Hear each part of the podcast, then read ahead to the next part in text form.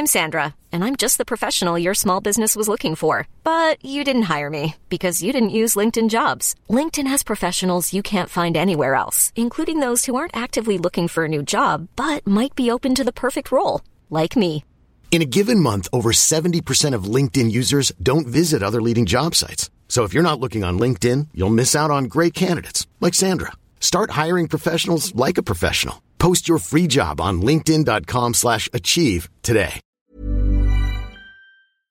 Hans Petter og co. presenteres av Check-in, sannsynligvis Norges beste påmelding og billettsystem som forenkler hverdagen for deg som arrangerer seminarer, konferanser og andre eventer. Les mer om Check-in på check-in.no slash Hans Petter.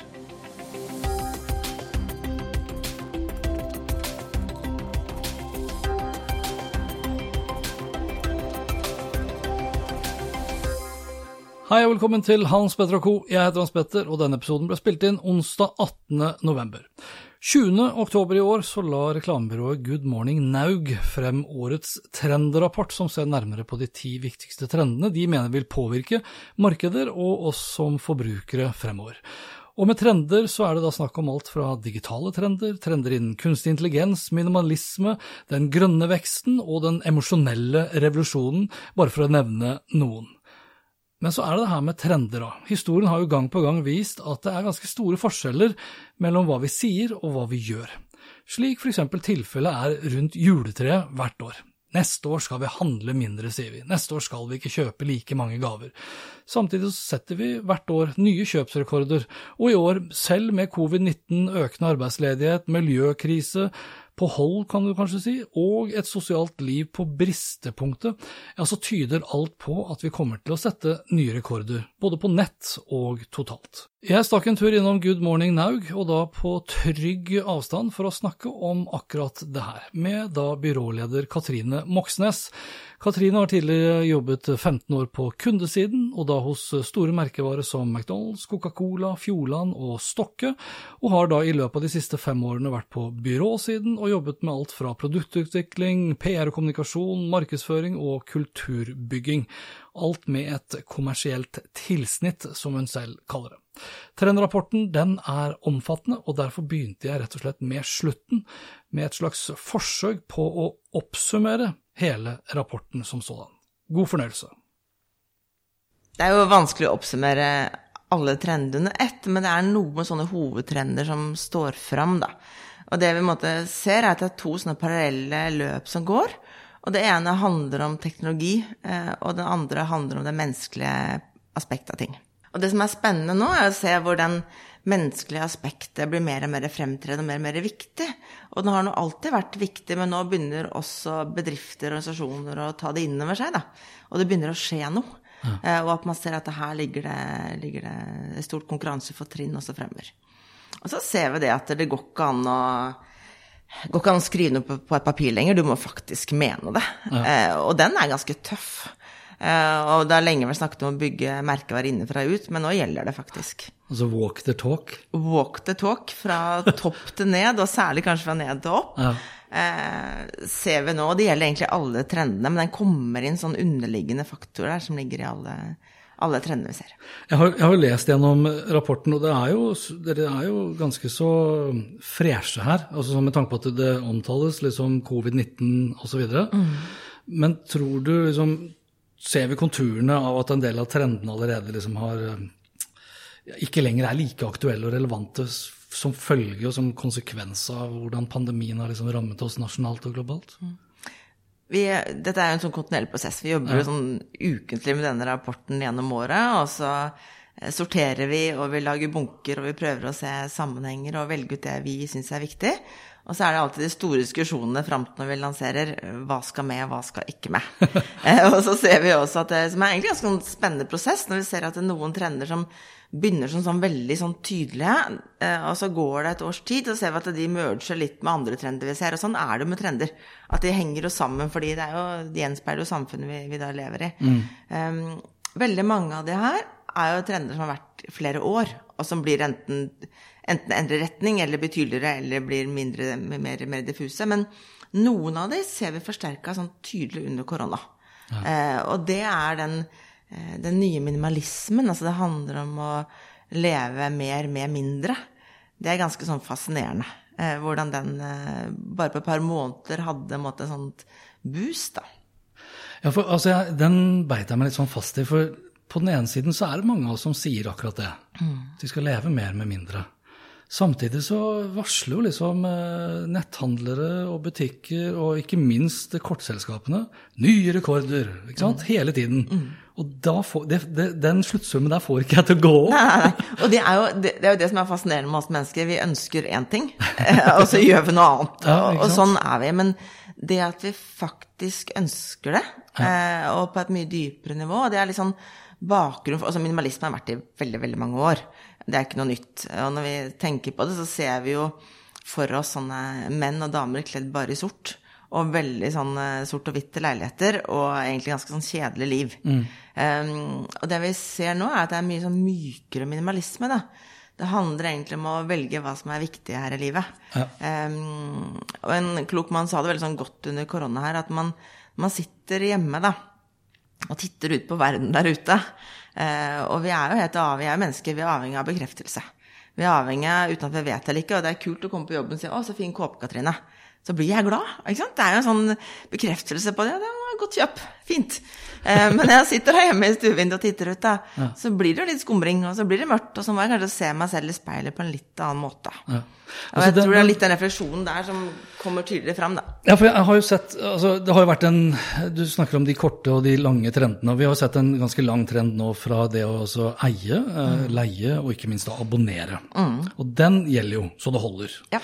Og så ser jo jeg, eh, kanskje mest av alt nå på mine yngre barn også, at det å kjøpe brukt ikke lenger er skambelagt. Mm. Altså det å få noe brukt i tillegg også. ikke sant?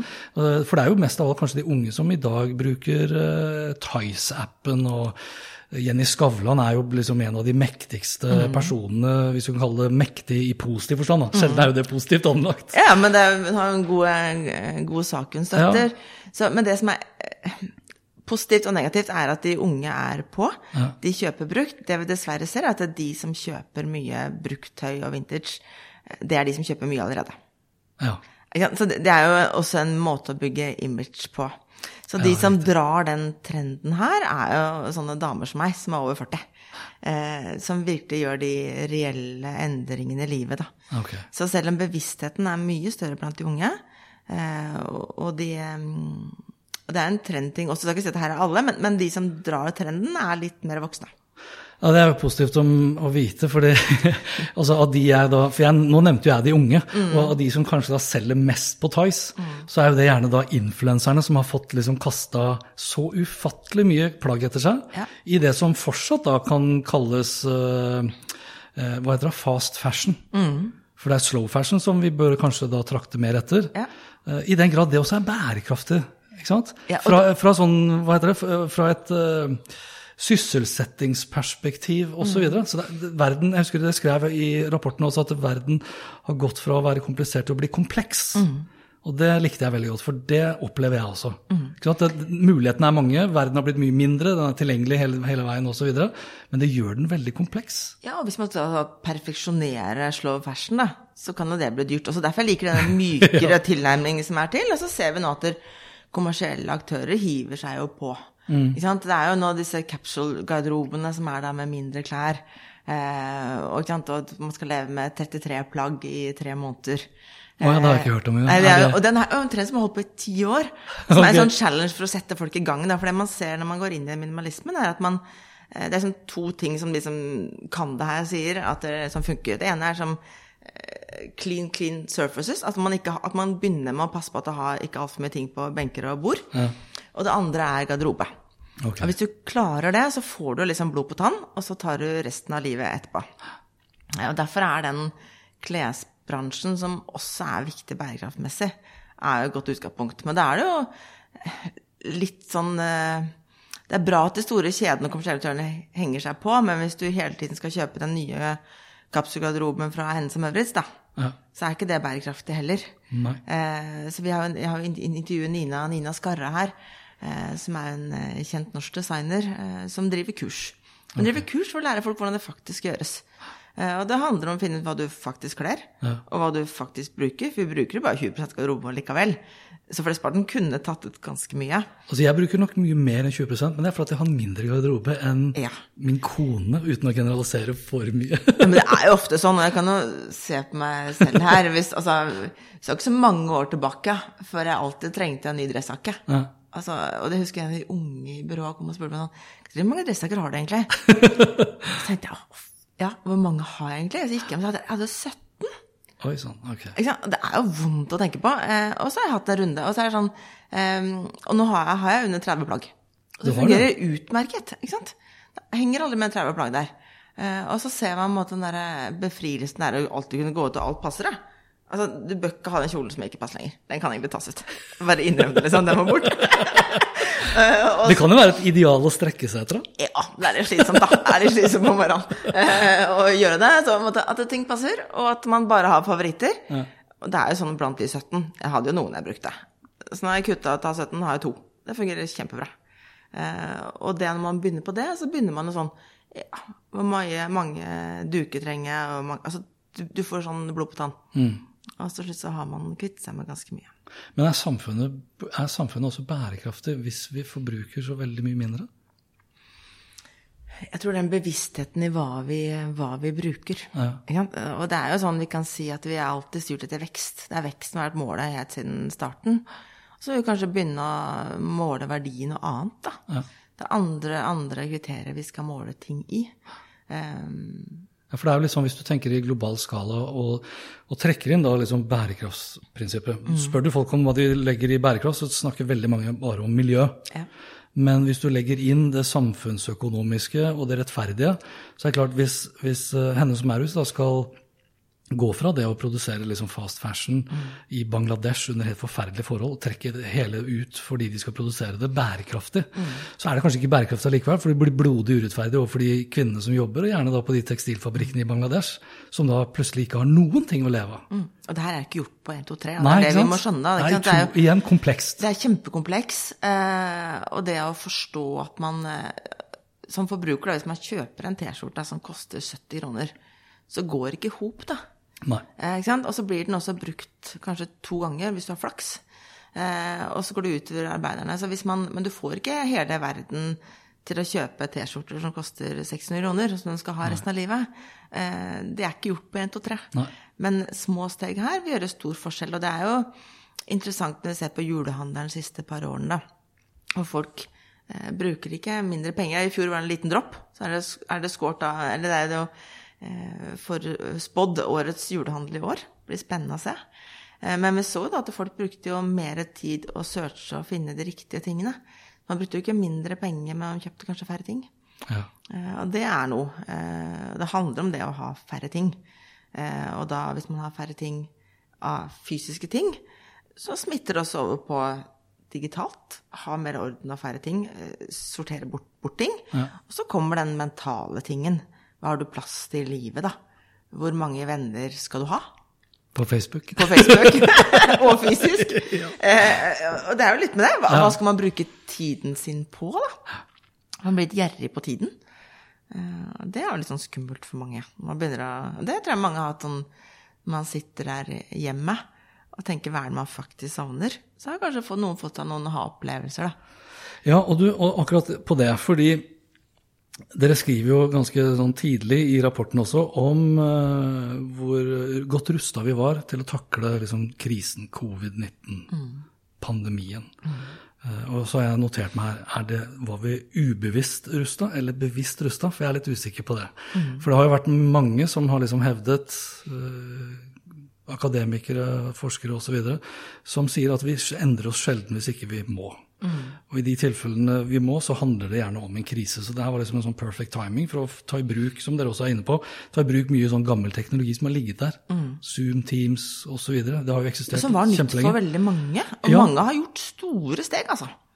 Det har de. Mm. Skolen ikke minst, da, som alltid har hengt etter, har jo plutselig liksom vært foregangs... eh, Altså all honnør og hatten av og det ene etter andre for alle disse lærerne Ja. som har taklet det her. Eh, Men så, og og det er derfor jeg også spør liksom sånn, fordi dere viser da til en undersøkelse om at folk var veldig interessert i ikke bare handel, men også andre tjenester digitalt. Kurs, mm. boligvisninger, ja, jeg er helt enig, konserter osv. Er vi like interessert i det nå? Er, altså, jeg syns jeg bare leser om folk jeg er drittlei, inkludert meg selv. Ja, og generelt sett er vi jo lei. Altså, vi er jo lei i 2020. Altså så det virker som 2021 også blir utfordrende. Så det er jo en måte sånn Og det er lov å være lei òg, tenker jeg. Det beste ordet som har dukket opp, som sier veldig mye om hvor eh, mye vi er drittlei av det digitale, er hudkåt.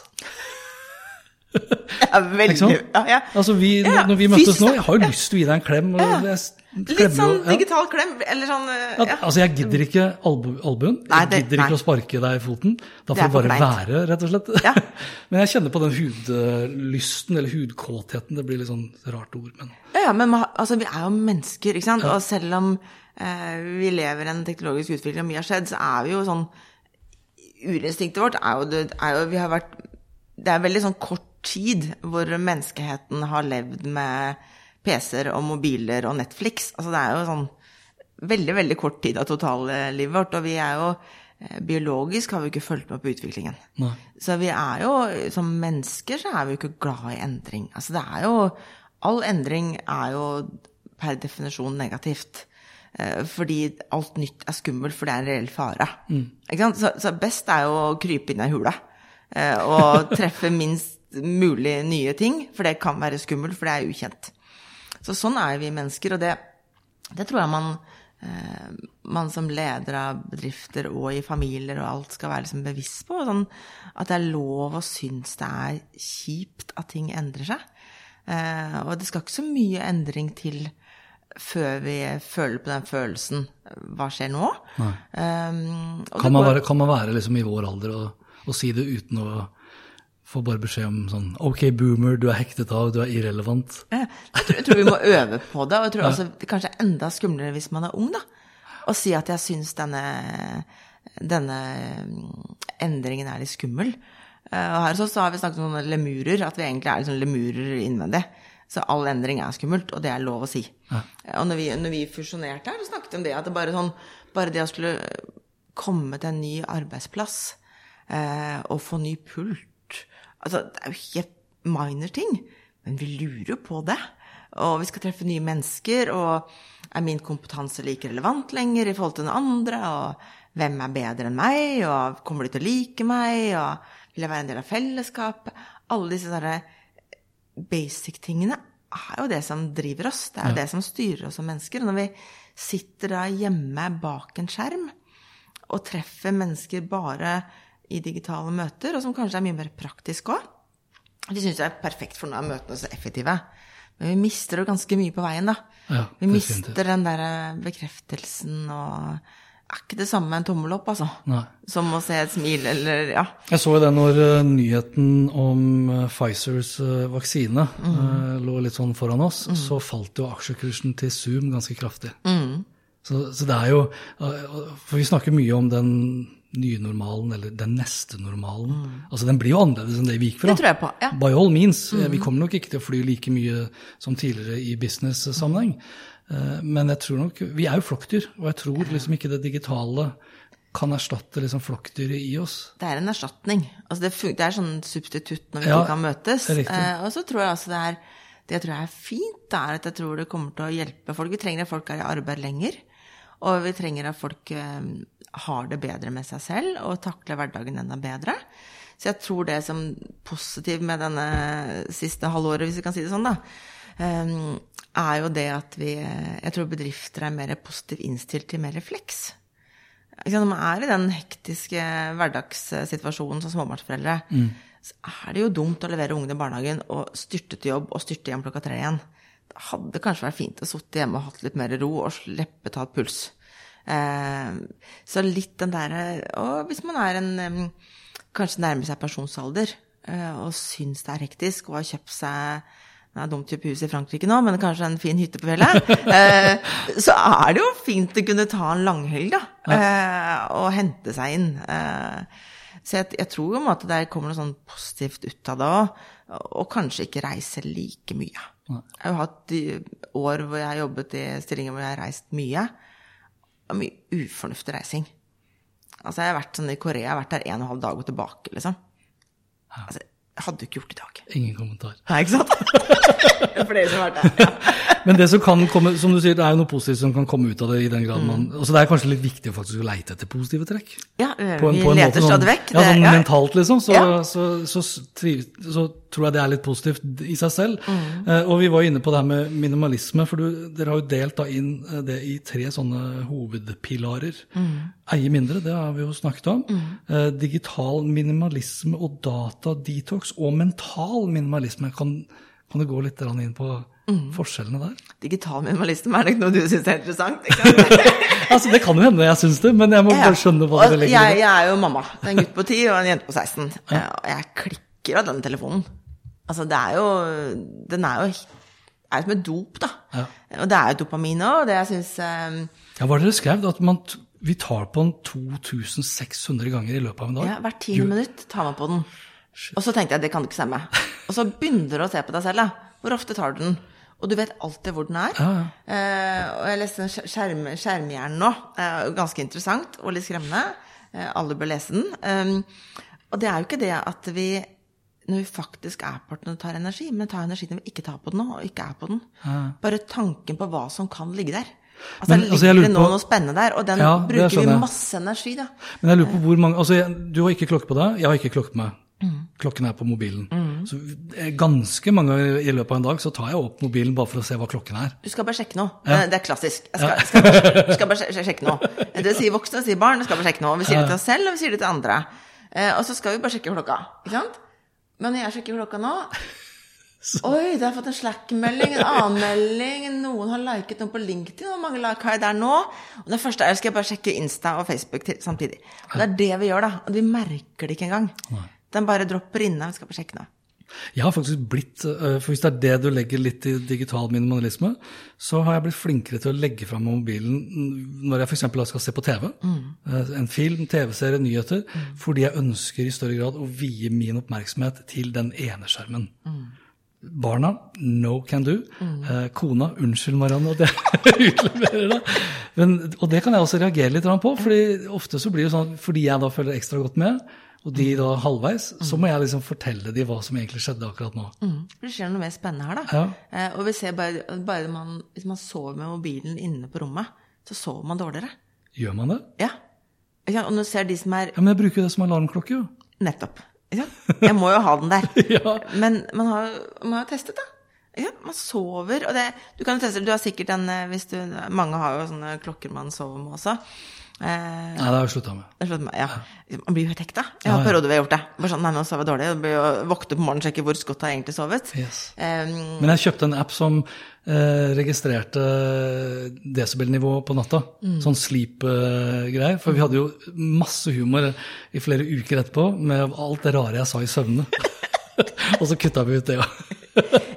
Det er sånn, Man har god grunn Det er gøy og fint å sjekke at man sover godt. Og man vet søvn er jo kjempeviktig, og det er viktig, og det er satt på, satt på agenda. Men, men jeg tror hele den derre å være bevisst bruken, og nå kommer det også hjelpemidler. Du har sånn som Hold, for eksempel, som hjelper studentene da. Man får en bonus hvis man klarer å være av en periode. Eh, og bevissthet blant det. Jeg har vært i middager hvor man, hvor man må legge mobilen i midten. Og den som tar først, tar regninga. Ja. Eh, da bør man ha en god sjekk med barnevakten hjemme, at de ikke ringer unødvendig, for det kan bli innmari dyrt. Så det, men altså den der bevisstheten rundt det. Eh, og så har du jo Man lo jo narr av influensere for noen år siden hvor man sa nå tar jeg en digital detox, og så bruker man sånn to dager på å fortelle om det. Og så er man borte en helg, og så bruker man masse tid på å fortelle alt man, hvordan det var. Em, men å klare det å ikke være tilgjengelig, eh, tror jeg blir mer og mer viktig, men mer og mer vanskelig. ja ønsker, personlig så ønsker jeg ikke å bruke verktøy til det. Altså, For jeg syns ikke det er svaret på egentlig problemet. Ja, og, jeg- og, det er det jo ikke, for det handler om en sånn eh, selvbevissthet. Ja, men det er riktig. innmari vanskelig. Ja, ja. Og med en gang ting blir vanskelig, så vil vi ha en app. Ja. Og det, det er jo litt sånn det er. eh. Og eh, du kan jo bare se hvor mange sånne mindfulness-apper har man ikke lastet ned, og hvor mange har man brukt. Og, det jo, og det sier noe om det derre ønske om å gjøre det. Og jeg syns en del fine funksjoner har kommet. Det er sånn som å rydde desktop. Ikke sant? Bare ikke ha alt blinkende oppe.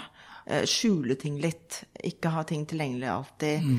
Eh, blålyset går ned. Altså, en del sånne fine ting er jo der også. Jeg har skrudd av, notifications på de aller fleste appene Ja. mine. Eh, Og det er som du sier, du laster ned masse apper, du bruker en liten stund. Veld, altså Majoriteten av alle apper du laster ned, er borte etter 24 timer. Og nå har jo til og med telefonen også kommet opp med en sånn tjeneste at de forsvinner hvis ikke du har brukt det i løpet av en viss ja. stund. Utfordringen som jeg ser det, sånn, som sier egentlig igjen da, litt øh, konkret forskjellen på hva vi skulle ønske og hvordan vi faktisk er, det er jo at de appene vi bruker mest, det er jo også da, for det var litt om digitalisme, eh, di- eh, digital minimalisme, så var det også litt om øh, anti, antikommersielle. Men de appene vi bruker mest, det er, jo apper fra de mest kommersielle selskapene i verden. ja. Og som har den dopamineffekten som gjør at vi har lyst på mer, da. Ikke sant? Som, som driver hele oppmerksomhetsøkonomien. Altså Facebook, Amazon, Google, you name it. Det er liksom kommersielle motorer, da. Ja. Eh, og, og særlig nå når vi sitter hjemme også med en den behovet for bekreftelse vi kanskje da fikk mer face to face, Mm. eh, hvor vi ikke får det engang, så er det bedre med en tommel opp enn Ja. ingenting. Eh, så vi søker jo den eh, veldig naturlig nok. Sånn er vi mennesker, mennesker bygd, da. Ja, Vi, vi gjør noe med hjernen vår.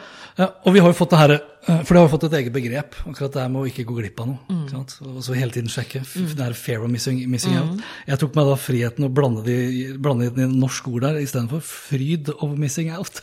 Ja, den er, ja. altså bare ikke bry seg liksom, om å ikke få med seg alt. Eh, og jeg kjenner jo på jeg kjenner på konsekvensen av de årene vi har holdt på med mobil og notifications og sosiale medier, ved at det å sette seg ned, f.eks. av å lese rapporten deres? Det krever sinnssykt mye av meg.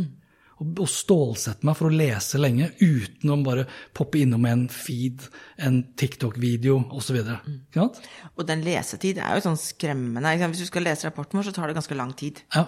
Eh, og vi har jo til og med videoer her som er 17 minutter. Det er jo helt tabu. Man skal ikke ha videoer som er 17 minutter. Eh, men noen temaer trenger litt lengre tid, da. Sant? Og når vi ser på lesetid, hvis du har lesetid på et minutt, så er det halleluja. Altså, og det er noe ja. er jo litt skremmende. Ja, det? Og det byrået her, eh, og undertegnede, vi har jo flydd rundt og snakket om liksom, vi må grabbe denne attention på 0,5 sekunder, og vi har gullfiskhjerne, og videoene bør ikke være lenger enn 8 sekunder, etc. Altså, det er jo fallitt å si at liksom, vi skal begrense oss til det. Det er jo det. Ja, og så er det litt sånn i forhold til sånn som trend vi ser nå at 85% av norske markedsførere sliter med å følge med tiden. Ja. Og det er, sant, det er enormt hva man skal lese. Ikke sant, hva man skal få med seg. Og det er jo litt grunnen til at vi gjør den rapporten, og hjelper folk å sortere litt. Um, men det man ser, da, at det er de som virkelig går inn i det for å klare å følge med, de leser rapport på rapport på rapport, og så leser man det, og så glemmer man å tenke over det. Og den refleksjonen er jo der verdien ligger. Og der tror jeg faktisk korona har hatt en positiv effekt. Vi har vel aldri gått så mye tur. Og at man faktisk da setter av litt tid etterpå til å tenke over det man har lest også. Eh, og ser litt sammenhenger mellom ting. At det ikke bare er å lese og pugge og kunne gulpe opp og brife et eller annet møte eller den nye strategirapporten sin. Eh, men at man faktisk kan reflektere litt hva det faktisk betyr, da. Eh, og at man setter av tid til det. Og man, vi snakker om 20, 80, 70, 30, men, men det er mer tid på den tanken etterpå, da. Les litt mindre, og så må man ikke lese alt, da er lov å lese overskrifter òg. og skape nysgjerrigheten, og så kan man gå i dybden etterpå. Altså, det er jo veldig mye i den rapporten som jeg ble veldig nysgjerrig på. Uh, og så er det jo, ja, nå har jeg sagt det allerede flere ganger, det er jo flere ting i rapporten som, som er litt sånn motstridende. Ikke sant? Og det er jo verden, ikke sant? Den er jo, Ja. ja, den er jo skremmende kompleks noen ganger. Mm. Men tror du vi har altså tror du vi har blitt gjennom denne krisen, hvis vi skal igjen ha leite etter noen sånne positive ting, har vi blitt flinkere kanskje til å håndtere liksom det uventa, tror du det? Altså, jeg tror at vi mennesker, den biologien som gir oss, det er Vi vil ikke ha endring. Vi sier vi har lyst på endring, vi sier vi har lyst på nytt, eh, og være med på en reise, men sånn menneskelig så er vi ikke bygd for det. Og så tror jeg alt man trener på, blir man bedre på. Så nå har, vi, nå har vi trent på å gjøre store endringer, eh, og vi ser det går bra på en del ting. eh, Og det er en del positive ting. Så sånn sett er vi kanskje enda mer positive til endring framover. Men menneskelig vil gjøre det like vondt. Så jeg tror at vi, vi skal heie på endring og alt det som ligger der, og vi er nødt til å lære oss å leve med det. Jeg tror hvis jeg måtte skal ønske barna mine en egenskap, så er det å være rusta til endring noe av det viktigste de kan ta med seg. At de er litt sånn tåler det. Mm. Og det handler jo litt om den emosjonelle revolusjonen nå, de menneskelige verdiene. Være litt sånn trygg på seg selv, kjenne seg selv, ikke være redd for de følelsene dukker opp, for de kommer til å dukke opp. Uh, og det jeg liker jo nye læreplanen nå hvor man måtte skal lære å lære. Ja. Det er viktigere enn akkurat man skal pugge alle tyske velosene, men lære å lære. Uh, tror jeg er, Og hvis man også kan lære det å være sånn trygg i endringen, uh, tror jeg er viktige verdier fremover. Da. En ting som kommer til å påvirke oss i fremtiden, er jo kunstig intelligens. Mm. Og her kan man jo få litt sånn man kan jo puste litt letta ut kanskje her, altså når jeg leser rapporten. Mm. Uh, og Dere har skrevet om det, og andre har skrevet også om at disse prognosene om en tredjedel av jobbene skulle bli borte i løpet av uh, ja, det var vel de neste 20 årene. Mm. Men uh, at de nå er sterkt redusert. Nå står det her at det skal vel da kun 6 egentlig mm. av jobbene som vil forsvinne. Ganske mer nyansert bilde. Ja. ja. Og det er jo en positiv endring også. Jeg tror det at der, tidligere når man snakket om kunstig intelligens, så var det jo veldig skummelt. Det var en sånn robot som skulle ta over jobbene våre. Ja. Eh, og nå handler det mer om at de kanskje skal forenkle jobbene våre. Eh, og at de er en del av kjernebusinessen. Og ikke en sånn tilleggsting som skal gå inn og ta bort ting og separere ting ut. Det er en mye mer integrert del av ting. Ja, men altså, eh, og det er liksom, det er her jeg da tenker liksom Her, jeg, her stiller jeg noen sånn kritiske spørsmål slash undringer. da, fordi mm hvis vi nå ser på koronakrisen f.eks., så tvang de gjennom nødvendige endringer. Mm. Hvis vi nå får den soveputen her, så kan det jo sånn sett bli at vi blir veldig sånn tatt på senga når plutselig din jobb eller min jobb eller en mellomlederjobb eller en kassadame eller hva det måtte være, forsvinner som følge da av Og her blir det en sånn sekkebetegnelse. Når vi sier kunstig intelligens, så snakker vi ofte om Du sa roboter, det er ofte det som kommer inn. Eh, automatisering er jo et annet mm. element som kommer inn også. Oh, ja. Som da påvirker alt fra juss, eh, leger, you name it, mm. finanssektoren etc. Og det kan jo gi en sånn sovepuse sove, Sovepuse? Sovepute. Sovepute, sovepuse, sovepose. eh, og så står det her altså mye av KI handler om å fjerne repetitivt arbeid, som igjen frigjør tid for oss mennesker til å være mer kreative.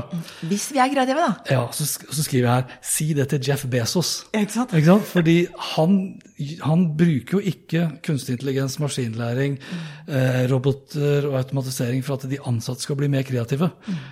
De ansatte i stor grad hos Jeff Bezos er jo egentlig ansatt kun for å håndtere det som ikke robotene lenger klarer å gjøre. Mm. Altså Det er motsatt av det man trodde tidligere. Mm. Og den utviklingen liker jeg ikke. Nei, og det er jo, liksom, det er jo flere ting her. Og, og så er mye. ja, ja, men det er greit. og, det er, det er, og, det her er jo litt den komplekse biten om hvordan ting henger sammen. da. Ja. Eh, hvor kunstig intelligens har masse positive ting med seg. Eh, for det kan eh, hjelpe folk i forhold til å få løst ting hurtigere når det er viktig for dem. Jeg sier, de hadde et eksempel her hvor de kunne svare på søknader hvor folk trenger penger fort for å løse et problem de har. Eh, hvor det kan automatiseres. Istedenfor at noen sitter og leser en søknad og ringer opp og sjekker, og så mm. tar det lang tid før du får de midlene du trenger. Kjempefordel. Ingen kan se noe gærent i det. Eh, men hva skal den personen da som satt og behandlet de søknadene, og har gjort det i 20 år, hva gjør den nå? Mm. Nå skal du være kreativ. Det det er ikke alltid så enkelt som det høres veldig fint ut på papiret, da. Men det er en omstilling her, og da er jo da jeg er glad jeg ser skoleverket da tar tak i dette. Hvor det er en annen måte hvor de skal ruste folk igjennom da, eh, emosjonell styrketrening, som da Katrine Aspo snakker om, i forhold til å ruste folk til å kunne være med på de endringene. Mm. Um, hvor det før var at du, når du gikk ut av skolen, så var du på en måte ferdig utlært. Og da skulle du ta ting, ja. og da skulle du ta ting i bruk. ikke sant? Ja. Nå, da har vi liksom lest alt, ferdig, diplom, sett i gang. Og så fikk du måte erfaringen. Og jo mer erfaring du hadde, jo viktigere var det, for da hadde du et fortrinn kontra de som akkurat hadde gått ut. Sånn er det jo ikke lenger. ikke sant? Vi er jo aldri ferdig utlært. Så de som tror de er ferdig utlært når de har diplomet, eh, de faller jo av. Eh, så det er den stadige endringen og læringen og tilpasningen. Eh, og parallelt da med da kanskje kunstig intelligens tar over mye av de oppgavene som var naturlig å gjøre når vi var ferdig utdanna. Eh, de forsvinner, men da må vi ha noe påfyll. Og det er jo spennende samfunnsmessig, og ikke minst bedriftsmessig. For den du ansatte, som var innmari flink for tre år sia, er jo ikke sikkert er flink nå. Det er ikke sikkert det behovet du har. Så hvordan man organisatorisk tilpasser seg det, og sørger for at man er en bedrift hvor man kontinuerlig lærer, og ikke stopper opp, og sørger for at de ansatte er villige til å flekse når vi i, som personer i prinsippet ikke er noe glad i endring, det er store utfordringer, det. Jeg tror det er mer enn den å ta i bruk all AI-en. Det tror jeg vi fint skal gjøre, og folk er åpne for det. Men Altså, det er hvordan vi tilpasser oss som er Jeg tror vi må Jeg tror frem, altså fremover, ren sånn teknologiutviklingsmessig, altså det inkluderer jo da kunstig intelligens og roboter osv., så, videre, så blir det et mye større politisk spill. Eh, reguleringer. Eh, for her snakker man jo også om bærekraft. For det er klart, hvis du tar en medarbeider på et uh, logistikklager som i mange tilfeller ikke er spesielt fagutlært, da, og la oss si vedkommende er 50 år, 60 år, det å forvente at eh, han eller hun skal bli kreativ over natten eller bli webutvikler, det er liksom ikke noe særlig realistisk å, å tenke på. Og det er her jeg, jeg blir litt sånn Det her er strides da mellom eh, mye av det jeg finner av funnene i, i rapporten, med etikk og moral og eh, bærekraft og, og fremtid, hvor, eh, hvor Amazon og de store, de, de virkelig store som har kommet lengst frem her også, det er ofte de som prater mest av alt om borgerlønn, f.eks. Mm. Svaret deres på at de da gjør veldig mange mennesker eh, arbeidsløse, det er borgerlønn. For jeg tror, jeg tror jo, i likhet med veldig mange andre, at alt det her vil skape flere arbeidsplasser totalt sett enn det vil ta livet av. Men det vil ta livet av en del arbeidsplasser og mennesker som ikke vil kunne liksom resysselsettes, da, hvis det er noe som heter det. ja, og det er jo litt sånn vi snakket om tidligere, at det, hva måler man verdi i, da? Ja. Er det økonomisk vekst som er måleparameteret? Og så tror jeg ikke det er sånn at om to år så har vi sluttet å måle det i økonomisk vekst. Men det er jo ikke bærekraftig Hvis du tar i bruk alle, alle, alle bærekraftmålene til FN, så er jo ikke det fremtiden å måle ting i økonomisk vekst. Da, da, det går ikke da på sikt.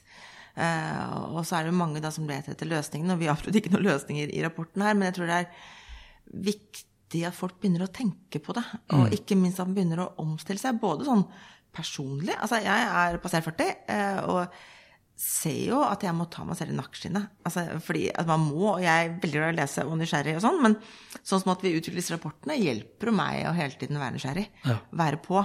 Eh, se hva er det som skjer. Jeg tror det ordet er det viktigste. Nysgjerrig. Nysgjerrig. Og, og, litt kritisk. Litt, Litt kritisk. Ja. eh, og, og også det å være ganske sånn bred, da. Eh, og jeg ser jo det, ikke sant. Jeg lever i min lille verden her i Oslo. Eh, og mine venner er ganske like meg, og de har jobb med Ikke alle som sier at de er like meg, men vi er, altså det er jo likevel liksom ganske likt samfunn vi da lever i. Og jeg liksom bevisst går inn og ser på folk som jeg ikke er lik. Altså de gruppene på Facebook som jeg, det går kaldt nedover ryggen på meg når jeg leser hva folk skriver. Men hvor viktig det er. Hvor viktig å få ned alle de inputene, hva som skjer der ute, da. Um, og ikke bare lese de store, tunge rapportene, men lese hele verdensbildet. Det så veldig pompøst, altså. Men, men det, jo, det handler om, som jeg sier, sier da, hvis folk spør om hvordan skal det være sånn, vi kaller oss sånn trendkuratorer. Eh, og det er kanskje sånn fancy ord, men det det egentlig dreier seg om, er å være litt mer nysgjerrig enn snittet. Eh, og så handler det om, akkurat som det er på et museum, er en kurator, da. Så tar man en kunstsamling som er stor, og så setter man sammen nye, nye historier. Mm. og vi sier at du må liksom se det store bildet for å se de nye bildene. Så vi er jo ikke trendforskere, men vi er i en måte litt nysgjerrige av snittet. Leser litt mer av snittet, og så prøver å sette sammen noen nye bilder og noen nye sammenhenger. Og det handler om som så enkelt at når du går inn på Narvesen da, eh, og skal kjøpe deg et, et blad, og du egentlig har lyst til å kjøpe Vogue, så kjøper du Vi Menn. Eller Jakt og fiske. Eh, Eller Donald. Eh, Altså, eh, og for all del, du må lese Se og Hør òg. Og, og det handler om å bare Og det som er interessant, da, når du liksom har hele den der bredden, så ser man jo de samfunnstrendene går gjennom alt, men det har litt andre uttrykk i ulike medier. Mm. og det er en måte å forstå det store bildet, da. For når man ser det store bildet, det er da man Hvis man bare hvis man jobber innenfor finans, da, og leser alle de finansielle rapportene, så er man innmari god på det. Man må gå glipp av ganske mange nye muligheter der ute. Um, og det er jo sånn, samme hva man driver med, så må man løse et problem for folk. Uh, og pleier, jeg pleier å stille det spørsmålet når jeg jobber med, jobber med kunder, at det, Hvis vi tok bort din merkevarelige bedrift i morgen, da, hva vil folk savne? My business used to be weighed down by the complexities of in person payments. Then, Tap to Pay on iPhone and Stripe came along and changed everything. With Tap to Pay on iPhone and Stripe, I streamlined my payment process effortlessly. Now I can accept in person, contactless payments right from my iPhone. No extra hardware required. What's truly remarkable is how I can cater to all of my customers' payment preferences. Whether they're using cards, Apple Pay, or other digital wallets, Tap to Pay on iPhone and Stripe ensure a smooth checkout experience every time. And it's not just me. Stripe helps businesses of all sizes, from local markets to global retailers, scale quickly and stay agile. To learn how Tap to Pay on iPhone and Stripe can help grow your revenue and reach, visit stripe.com slash tap iPhone. I'm Sandra, and I'm just the professional your small business was looking for. But you didn't hire me because you didn't use LinkedIn jobs. LinkedIn has professionals you can't find anywhere else, including those who aren't actively looking for a new job but might be open to the perfect role, like me. In a given month, over 70% of LinkedIn users don't visit other leading job sites. So if you're not looking on LinkedIn, you'll miss out on great candidates like Sandra. Start hiring professionals like a professional. Post your free job on linkedin.com/achieve today. Det er litt vondt spørsmål, for det er sånn hva vil man egentlig savne? Eh, For veldig mange har jo substitutter. Altså, Ja, ja. altså nesten alle. Det mangler jo ikke på tilbud egentlig i dag. og ting. Nei. det er nok, av ting. Og det er, hvis jeg tenker på en måte de merkevarene jeg har, og jeg bruker sånn kontinuerlig i løpet av liksom en måned, så er det ganske mange ting jeg kunne bytta ut uten at det hadde brydd meg så veldig mye. Ja. Eh, så er det noen ting som står ut. Og det gjelder å være den, og det handler om å løse reelle problemer for folk. Eh, så hvis du f.eks. jobber med Si du jobber i, jobber i Tine, da. Og så er det produktsjef for yoghurt. Og Tine jobber ekstremt innsiktsbasert. Eh, Så de vil da eh, se alt fra senilsentral til å ha fokusgrupper og se på brukersituasjoner. Eh, Hvor er det folk ikke Hvor er det yoghurtsalget dropper? Og hvor er det hull, og hvor kan vi nå, og hvor er veksten videre? Og så slenger de på en PEI-konferanse om trender og smak-biten. eh, og så sitter du som produktsjef, da. Nå, altså nå har jeg selv sittet som produktsjef, ikke Tine, men tilsvarende, så jeg kjenner meg igjen selv her, så det er ikke noe kritikk av noen. Men det man gjør naturlig nok, det er å se etter Ja, kanskje blant unge jenter, da. Eh, 15 til 19.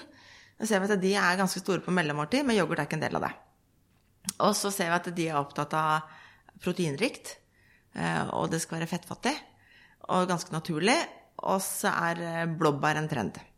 Ja, da lanserer du proteinrik eh, yoghurt med blåbær. Eh, eksempel. Ja. Og det selger ganske bra. Pusha gjennom Instagram med en influenser. Ja, og ser fint ut, og design og alt er riktig. Ja. Og kanskje man kan øke da og passe på at det er brukersituasjonen som blir pushet ut. Og minne folk på. Selger helt ok.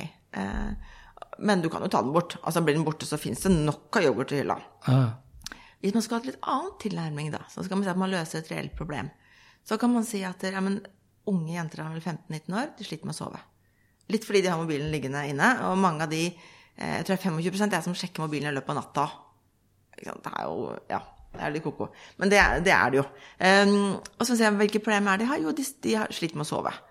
Og så er det kanskje et veldig stort ansvar å legge på en produktsjef for yoghurt at de skal fikse at noen ikke sovner. Men det kan det. Eh, fordi deres største ressurs er jo kua. Og hvis du melker kua om natta, så er melatoninnivået, det som gjør at vi blir søvnige, det er mye høyere. Så i prinsippet da, så kunne de ha sagt ja, men du kan, vi selger den yoghurten, men vi tar det med melk som er melka om natta. Seriøst? Ja, ja. I Tyskland får du det. Det er veldig, veldig morsomt. Eh, da kunne de sagt ja, men vet du hva, hvis jeg spiser den yoghurten før jeg legger meg til kveldsmaten, gjerne med musli eller hva du skal ha, og gjerne blåbær, så at jeg sovner litt lettere. Ja. Da er det ikke så lett å ta den bort. Nei. Ja, og det er litt den derre Og det handler om nysgjerrighet og mennesker og hva som egentlig er utfordringen til folk, da. Eh, Og det ligger ofte mye innenfor det emosjonelle og ikke det funksjonelle. Og det er litt vanskelig til to streker under svaret å lage en eh, den lanseringsrapporten som skal selges inn, da. I forhold til hvorfor du skal lansere dette. Ja. Um, Men det var en fantastisk måte å, å få frem akkurat det her med why. Er why. Hvilken, hvilken forskjell gjør du da? Og, Ja. det er, og det er egentlig sånn, hvis du tar hele kategorien din, altså hvilken, hvilken verden er det du konkurrerer i dag? Og jeg tror det er litt sånn de nye businessmodellene også er, for hvis du går inn på why, er at vi skal, vi skal være, gjøre en forskjell i unge jenters liv, Ja. og ikke å pushe melk, så er det ganske, det er to forskjellige why da. Eh, og det gjør også at vi ser andre businessmodeller fremover, tror jeg. Mm. Hvor du kanskje, altså, jeg har jobbet mye som merkestrekk, ikke sant? Eh, og det er jo ganske forskjellige merkestrekkanalyser man gjorde for ti år siden, hvor man så at ja, men nå jobber, selger du pizza, kan du ha pasta også? Det blir veldig sånn produktfokusert, da. Eh, mens nå er det mer basert på why. Og det tror jeg er interessant fremover. Og da ser jo mange av de som lykkes fremover nå, tror jeg er de som kanskje er mer sånn hypotesebaserte forretningsmodeller også. Som handler om hvordan vi tror verden er, og vårt why, hvordan vil det se ut i forhold til ulike hypoteser, og hvordan tilpasser vi oss. Ja. Og da trenger man ganske fleksible organisasjoner som hvor du kanskje ikke må ha en femårsplan i forhold til prognoser. Det som er, det som er eh, For det, det får meg egentlig over også på, på tillit, for jeg har skrevet mye om tillit. Og det at vi identifiserer oss, eh, og skal vi identifisere oss med en merkevare, så skal vi kunne stole på at de er redelige og kline og bærekraft og alt det her. Så fremst ikke vi er fullstendig avhengig av dem. Ikke sant? Så, Ja, vi er oss selv nærmest. ja, og det er Ja. det som er så trist, egentlig, hvis jeg skal bruke det begrepet. Da blir sikkert eh, enkelte litt sånn eh, sure på meg, men hvis du tenker deg liksom de, For det, det, er en, det er en sånn skjebnesironi og et paradoks i mye av det som jeg er helt enig med i rapporten, og som er veldig sånn sens, altså, hva heter det, fornuftig, eh, så er jo at av liksom verdens ti største, mest verdifulle merkevarer, så har vi et ganske så lemfeldig forhold til eh, deres bærekraftsprinsipper, og hvorvidt de er etiske og moralske, og, og hvorvidt vi stoler på det osv. Altså, og da kan du nevne liksom Facebook. Vi har snakket om Facebook. Eller Google, eller Amazon, eh, Alibaba, Tencent som da driver TikTok. Det er, eh, og Apple for så vidt også. Apple eh, gjør ekstremt gode penger, pakker det inn i en del sånne bærekraftsprinsipper, men det utstyr, altså utstyret blir liksom satt sammen i Kina, som ikke nødvendigvis eh, respekterer menneskerettigheter osv., og, så videre, og hvor folk dauer i fleng for å produsere det her i et vanvittig tempo. Så vi burde jo ikke, vi burde jo kaste alle disse aktørene på dør. Ja. Så det er sånn, du, Vi sier på denne siden at tillit er ekstremt viktig, og tar du Tine som et eksempel, da, så er jo det sånn i Apelands rep track så er det helt i toppsiktet. Men tar du alt fra Ryanair, McDonald's, VG, Facebook, elendig på tillit, tjener masse penger. Og her er jo tilbake til det paradokset. Det Ja. er, det som jeg syns er interessant, er hvis du ser de store trendene, så er det jo, har, måles det et sånt, det er et sånt trustbarometer som har målt de siste 20 årene, i forhold til når det var oppe i 60 land, i forhold til hvilken, hvilke barometere man måler tillit på, og hvordan utviklingen skjer. Og det er det skiftet som er interessant, hvor man ser at der, tilliten til eh, toppledere, til store organisasjoner, store selskaper, medier ikke minst, naturlig nok, og politikere, altså apropos, eh, et kjempedropp. Og det er liksom skremmende å se da, at det er tilliten til de som måtte ha tradisjonell makt her, da, eh, det dropper. Ja. Men tilliten er ikke borte, den har bare flyttet seg. For mens da tilliten til toppledelsene synker, så er jo tilliten til de som er tettest på produktene, og som jobber i butikkene, og som er eh, den ekte liksom, hjerteorganisasjonen, da, det øker. Okay. Så vi har jo større tillit til venner, enkeltindivider, og vi ser det sånn i, i media, syns jeg det er en, litt sånn skremmende, hvor du kanskje ikke stoler på mediekanalene, men du stoler på den enkeltjournalisten. Ja. Helt enig. Og, og, og det er jo eh, fantastisk hvis enkeltjournalisten står for noe riktig og har et nyansert bilde. Ja. Men hvis ikke, så er det jo skremmende.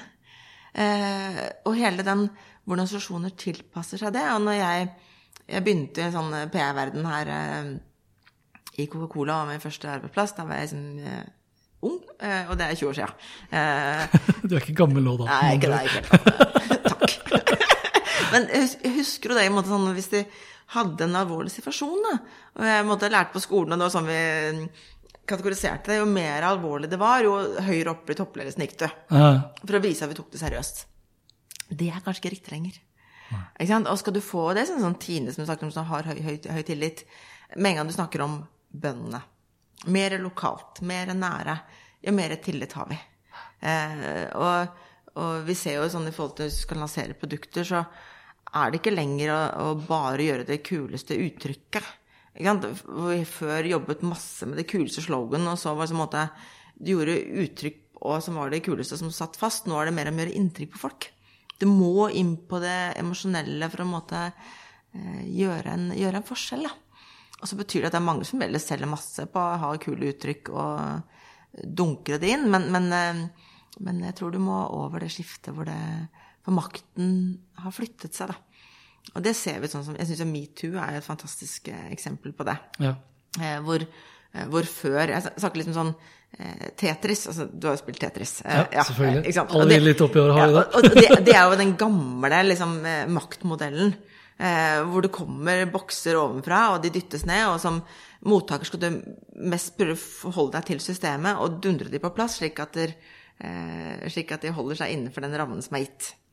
Eh, og det er veldig sånn klare regler, det er det du skal gjøre. Og til slutt blir det for mange, og så drukner du. Um, ja, men, den, sånn, den, skal du tenke innafor boksen hele ja, tiden. Den. Det er veldig innenfor boksen, og det er veldig sånn fastlagt. Og ja. det er veldig bestemt hvordan du gjør for å dytte det på plass, slik at det holder seg innenfor de rammene. Eh, nye maktstruktur er jo, liksom, jo Minecraft-verden. Du har sikkert spilt Minecraft òg? Ah, jeg, har, barn, jeg har sett ja. Eh, kidsa spille ja. Minecraft i årevis. Og det er en helt åpen verden hvor det er ingen regler, og du ikke vet hvor du skal. Mm. Og det er mange aktører sammen som setter spillet sammen. Det er litt som en sånn eh, kraftig elv, da. Hvor du egentlig på måte kan klare å styre med strømmen, men du får ikke dunket det på plass som er gamle modellen. Og det, det var jo Weinstein fikk jo oppleve dette, hvor han har jobbet etter gammel, eh, gammel maktmodell i veldig mange år, og hver gang en boks kom ut til siden, så satt hun advokater på og dundret det inn igjen.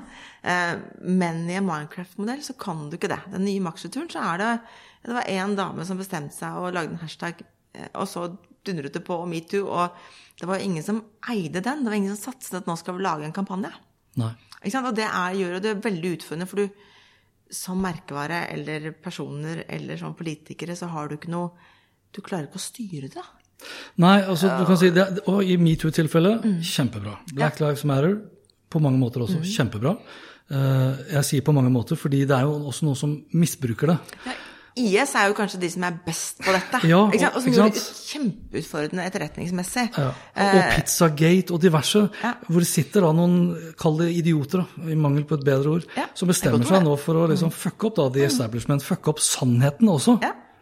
Uh, og, det er, altså, og det er jo en utfordring, for du kan jo Folk som Folk som tror nå i dag, de baserer troen sin i mye større grad synes jeg, gjennom sosiale medier på mm. følelser mm. og ikke på fakta.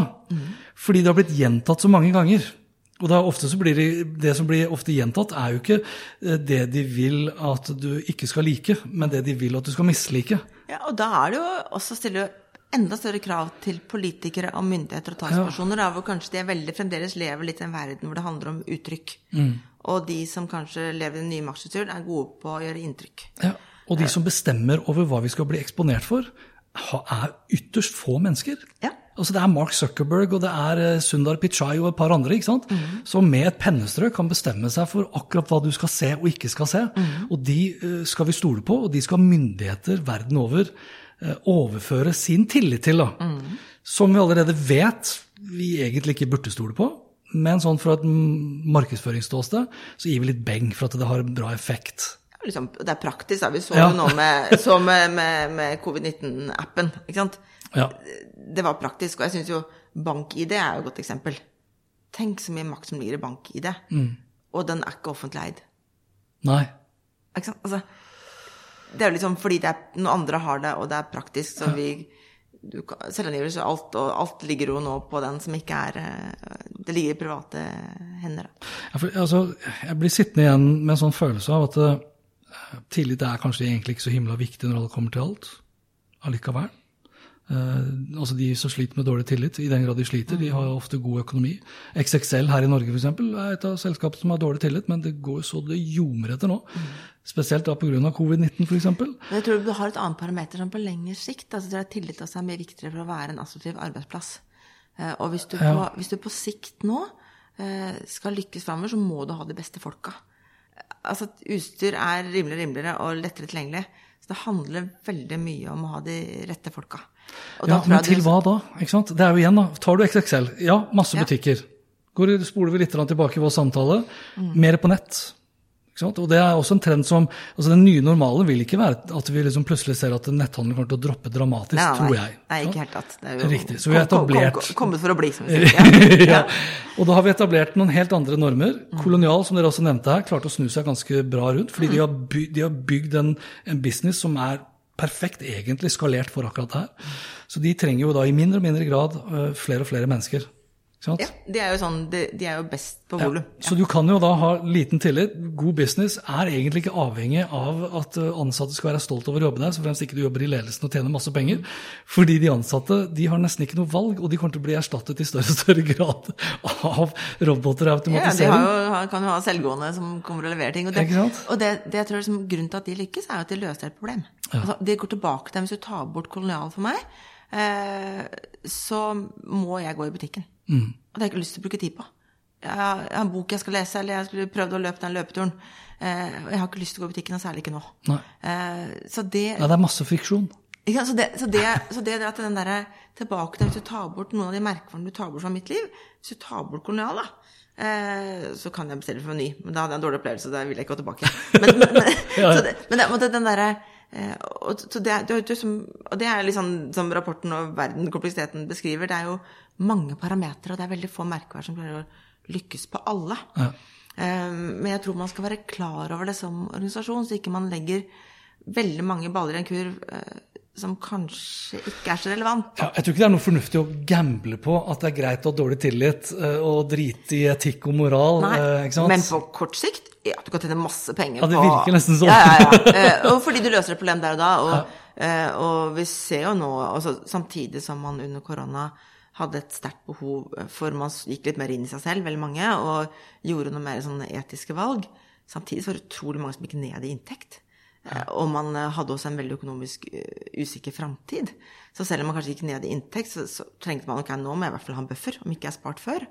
Så det gjør at man folk Skal man da kjøpe den eh, boblevesten fra Patagonia til eh, sikkert 1700, eller skal jeg ha Sikkert den mer. Sikkert mer. Eh, du tenker jeg har en sånn jeg bare, har betalt på for den egentlig?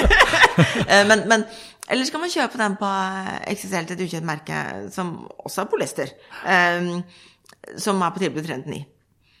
Altså, det er jo en sånn Og det er jo, vi er oss selv nærmest, og det er eh, Det er ikke lett, det her, da. Um, Men jeg har blitt mye mer, blitt mye mer sånn det, det er det motsatte. Jeg har blitt proteksjonistisk på en måte. Altså, du ser til og med her i Oslo, nå sitter vi i Oslo, så går Senterpartiet fremover. Så det er en sånn antiglobalisering som ikke nødvendigvis er antiglobalisering, men pga. covid-19, pga. mange som sliter, går ned i lønn, mister jobb osv., så, videre, så skal vi støtte det lokale næringslivet. Det føler jeg liksom er også en kanskje litt sånn vedvarende trend, virker det som. Ja, altså vi føler at vi må liksom Jeg Det er jo litt tilbake å reflektere hva som er viktig for oss, da. Ja. Altså På Holte så har vi sånn åpent bakeri som blir eh, pizza på kvelden. Ja, og hvor viktig det er for meg for de eh, gode naboene også gå bort dit på en torsdag og ta et glass vin og spise, spise, spise pizza. Ja. For meg er det viktig i, livet mitt, da. Ja, Og derfor tror, jeg, derfor tror jeg også at når For vi kommer jo til en tid, håper jeg, når pandemien er over, så tror jeg det er også ekstremt viktig, selv om vi kanskje har gjort oss godt vant med å jobbe hjemme, at vi kommer tilbake på arbeidsplassen. For rundt arbeidsplassen så er det kafeer, butikker, ikke sant? Og som du nå måtte sånn Vi hadde pizza fra de på søndag, for det er, det viktig, jeg, jeg, det er viktig, veldig viktig for meg at den er der når jeg er Ja. tilbake. så den, den må være der. Og, det, og man ser jo altså Berkeley har gjort et spennende studie nå i forhold til eh, hva som er den perfekte miksen. I sånn den nye normalen også er det jo ikke noen perfekt miks, man vet jo ikke det. Men det de sier, da, at dere, hittil så ser det en sånn trend på at det bør være tre dager man er på kontoret, og to dager hjemme. Okay. Eh, Og så bør alle være på kontoret de tre dagene man er der, for å oppleve det fellesskapet. Alle? Jeg sa alle, altså, hvis ikke det er eh, koronatid, men sånn etter, Ja. hvis alt er liksom safe og trygt og godt. Sånn at alle som er der, er der sammen da. Så det er ikke fleks hvilke tre dager du kan være der. Nei, okay. Man må være der tre dager sammen, for man trenger det fellesskapet. Og, Ja. og se folk, oppleve folk, og være nær. Og, altså det derre Da ville jeg valgt tirsdag, onsdag, torsdag. Ja, ikke sant? og det syns jeg er interessant du sier det, for det er jo en sånn greie nå. Hvor man, eh, Nå er jo alle hjemme, men det har vært noen måneder hvor vi har vært litt hjemme og ikke hjemme. Og jeg har hatt interessante samtaler med en del eh, bedriftsledere i forhold til Hvilken dag kan man si man skal være på kontoret? Altså, skal, er det ufint å si at man må være der mandag-fredag? Altså, ja, det syns jeg er litt ufint, for det viser at man ikke stoler på folk. Ja. Og, og, og man kan godt sitte og surfe på VG eller hva man nå leser på jobb og ikke gjøre noe. Altså, det handler om, handler om tillit. Eh, og det tenker jeg Ingenting er vel bedre enn at din ansatt kanskje sitter på, drar på hytta på torsdag og sitter og jobber på fredag, og kanskje rekker å eh, få vært litt mer sammen med familien, og kanskje tar en kort fredag, men går seg en tur. Altså, det har jo en mye Ja, og tar det igjen på andre tar det Altså, vi er jo som appel, appel, appelsiner, jeg pleier jeg å si. Altså, måtte, vi er jo ett menneske. Eh, Nå er jeg jo litt forskjellig om jeg er sammen med mannen min og barna mine og, og vennene mine, og jeg sitter her, men jeg er jo meg. Og hvis jeg har det ordentlig kjipt hjemme, eller eh, ikke har sovet eller ikke trent, eller sånn, så, så går jo det utover liksom, fruktkjøttet. Og, og, og når du på en måte skviser ut, så er det det samme som kommer ut. Og jeg tenker det er jo den å kunne se hele, hele mennesket. Eh, håper jeg måtte måte den koronatiden har klart, da. At vi kan se den eh, viktigheten at vi Jeg har, jo, jeg har jo lest og hørt også fra enkelte jeg har snakket med i selskaper som, eh, som spesielt nå i disse tider, så har da ledelsen vært veldig på altså, Ja, du skal jobbe hjemme, men de har også vært veldig på at du kom deg ut på dagtid. ja, god tur, da. Hvis ikke så er alt mørkt hele tida. Ja. Og da blir det mørkt, altså. ja, eh, ja, ikke sant? da blir det virkelig mørkt. Og det, er og det var mye lettere i våres å ta den uh, turen. Mm. Og, altså, det var jo sånn det var fullt i skogen, det var nesten komisk. Men det er, er litt mer glissent nå. Har jeg måtte ut på en løpetur i går. Det er vondt, men nå må jeg ut. Og det er jo mørkt fra fire. Ja, ja. Nei, du må jo komme deg ut i 11-12-tida. Ja, og det er jo mye bedre å komme seg ut da og få litt påfyll, og da har du helt annen energi. Ja. Uh, og så er det jo nå sitter man hjemme, og de som har unger, unger kommer hjem fra skolen klokka to-tre. Eh, ikke tving folk til å da måtte Altså, har man kunder å møte og levere altså, det er jo, Hverdagen er ikke perfekt, men si man har en dag hvor man sitter og skal skrive eller lese eller produsere noe, så er det jo ikke noe veien for at man da, ja, når ungene kommer hjem, da, sett deg ned og lekse med de to timer, og så kan du heller jobbe igjen etterpå. Det er jo hva du leverer som er verdien, ikke akkurat de timene man sitter der. Så jeg håper at det kan skje et skifte eh, kontra det, da. Men så er det jo ikke alle som kan det, da. Står du på en produksjonslinje eller eh, Ja, ja, skal nei. levere noe, eller står i en butikk sånn ikke endre åpningstider, for nå skal jeg gå tur. Eh, så det Ja, det ville blitt en sånn, sånn eh, kald utgave av siestaen i Spania. Ikke sant? Og så kan man ha andre møter. Jeg, eh, I begynnelsen her så var det sånn Ok, nå skal jeg ikke ta kollektiv. Jeg skal gå til og fra jobb. Ta tre kvarter, da. Altså, jeg blir rastløs. Hva skal jeg Altså, det er fint å få hørt litt podkaster og sånn, men altså, hva bruker jeg den tiden til? Og så merker jeg sånn at jeg ikke alltid rakk å komme meg tidlig nok hjemmefra som jeg hadde tenkt. Eh, og så kom jeg litt seint på jobb. tenkte jeg, ja, Det jo føltes liksom ikke helt greit. tenkte jeg, det er jo greit, jeg må jo finne ut hva jeg skal bruke den tiden til. Eh, og så har jeg begynt å ha sånne telefonmøter. Og i førsten så det sånn Nei, kan vi ta det Nesten jeg turte ikke å si at jeg gikk, men så sa jeg, vet du hva, jeg skal gå en time da. Skal vi ta et møte da? Syns folk er helt greit. Og nå har det blitt en sånn ny greie, hvor jeg også kan si om det er kunder, eller om det er ansatte, eller kollegaer, eller hvem det nå er, da. Eh, Eller mamma, hvis jeg skal ringe henne. Altså, ta den timen, da. Si at nå går jeg. Da har vi god tid. Og så kan man eh, bruke tiden på en annen måte. Og da er det greit at det er eh, Du hører trikken, eller det, er ikke, det er ikke flaut, da. Det er Nei. fint å si at det er bare Det er sånn skam- det er ikke skambelagt. Det er ikke skambelagt. Hvor det kanskje var før, da. Ja. Hvor er du, liksom? Ja. Jeg er ute og går. Er du ute og går når du har møtt meg? Er du liksom ikke Ja, for Er ikke jeg viktig nok, da? Men da, tror nok, ja, og, og ikke minst, ja, En ting er jo viktig nok, en annen ting er vel kanskje også at folk hadde jo et litt sånn mer fysisk forhold til hva jobb var. Mm. Så nå er det egentlig liksom, nå kan det være hvor som helst, på hva som helst. ja, og møter du ikke altså, Tenk hvor mange møter du sitter og noterer, da. Det er ikke så mange møter du sitter og gjør veldig sånn kloke, fine notater. Eh, ting kan jo deles i etterkant, og du kan eh, I hvert fall får du stoppe opp da, og notere litt. Men veldig mange møter, og hvis du skal ha diskusjoner eller refleksjoner eller skal løse et problem, så tror jeg du gjør like godt det om du går en tur, eh, enn om du sitter foran den skjermen hjemme som du har sittet allerede fire timer. Du, altså Vi kunne ha fortsatt i flere timer til. Ja. Vi må runde av. Ja, men jeg har bare et spørsmål, for du sa det at dere jobbet eh, dere jobbet liksom mer eller mindre kontinuerlig med rapporten, og den er jo mest av alt tilgjengelig på nett. Er det sånn å forstå da at den vil bli liksom, vil den bli videreutviklet som en nettutgave? tiden fremover? Altså, vi klør jo og plutselig så kommer det en eller annen trend som bare åh, den skulle vi hatt Ja. med, eller den skulle vært sånn, det, eller Og så gir vi ut artikler underveis i løpet av året. Ja. Ikke sant? Og, sånn, og det kan være sånne mikrotrender som vi så her i, før jul i fjor. At det sånn, nå er det et eller annet med sånn sparing. Det er trendy å spare.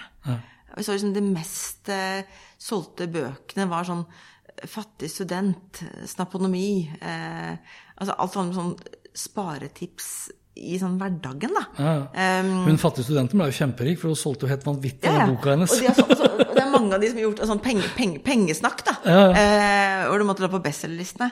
Og det er jo noe fascinerende. Da kommer vi sånn Dette er en kul greie. Og så ser vi nå, om vi tar det inn i trendene, så kommer det. Så vi gir jo sånne smådrypp underveis. Mm. Og så samler vi opp, og så har vi disse diskusjonene om hva skal med og ikke med. Og vi prøver å begrense oss til ti hvert år. Og så kommer det nytt hver høst, da. Ja, okay. Selv om det er jo fristende når det kommer til våren, skal vi ha en ny greie. Ja. Ja, Det blir jo spennende å se bare hvordan eh, klimakrisen kommer til å ta Mm. seg opp igjen som et tema vi diskuterer. For det, Ja, fem år siden Parisavtalen, og nå med litt endringer i USA, med litt annet fokus. Ikke sant? sant? Det skjer ting, da. ja, og vi har jo, jeg så det var en, Dere påpekte jo også det, hvor stor økning det var i antall ganger mediene omtalte klimakrise fra 2018 til 2019. Tigangeren, mm. mer eller mindre. Mens nå er jo en halvering. For vi har jo, og Plastikk har liksom ikke akkurat vært på dagsordenen under covid-19-tiden. Tvert imot. Det, Ja, nå var det en inseminasjon, og så fikk det opp igjen, heldigvis. da. Eh, Men jeg tror det er viktig i forhold til når, når forbrukerne gjør valg. Eh, Hvis du kan gjøre det, hvis du kan gjøre det lett for folk, da. Å, å ta et valg. Men vi ser jo innenfor, innenfor Hvis du ønsker å være miljøbevisst, så er det jo ikke enkelt. Altså, er jo ikke enkelt å vite hva man skal velge.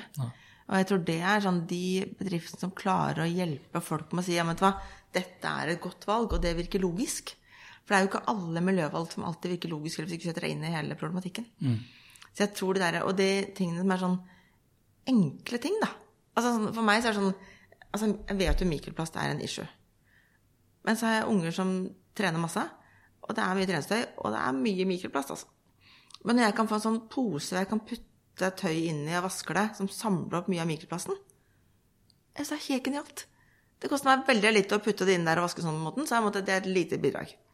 Eller hvis det handler om eh, bomullspads da, for å fjerne sminke, ikke sant. Så er det sånn ja, De kan jeg jo ha i bomull. Vaske. Altså, det, det, det, sånn- det er sånne enkle bytter sånn Ja, det er logisk, det er enkelt, det er fint. Men når det kommer liksom sånn Ja, det kommer til sjampoen, da. Apropos hvor vi liksom er, er oss selv nærmest. Ja, du kan få sånne såpestykker. Så tenkte jeg bare Nei, det kan ikke funke. Istedenfor sjampoflaska i plast, ja. Ja. Så tenker jeg Karin, det burde du kanskje prøve. Men tenker jeg Nei, det har jeg ikke prøvd engang. Det, altså, det, så, så det er jo en måte sånn er, For meg blir sjampoen min for viktig, da.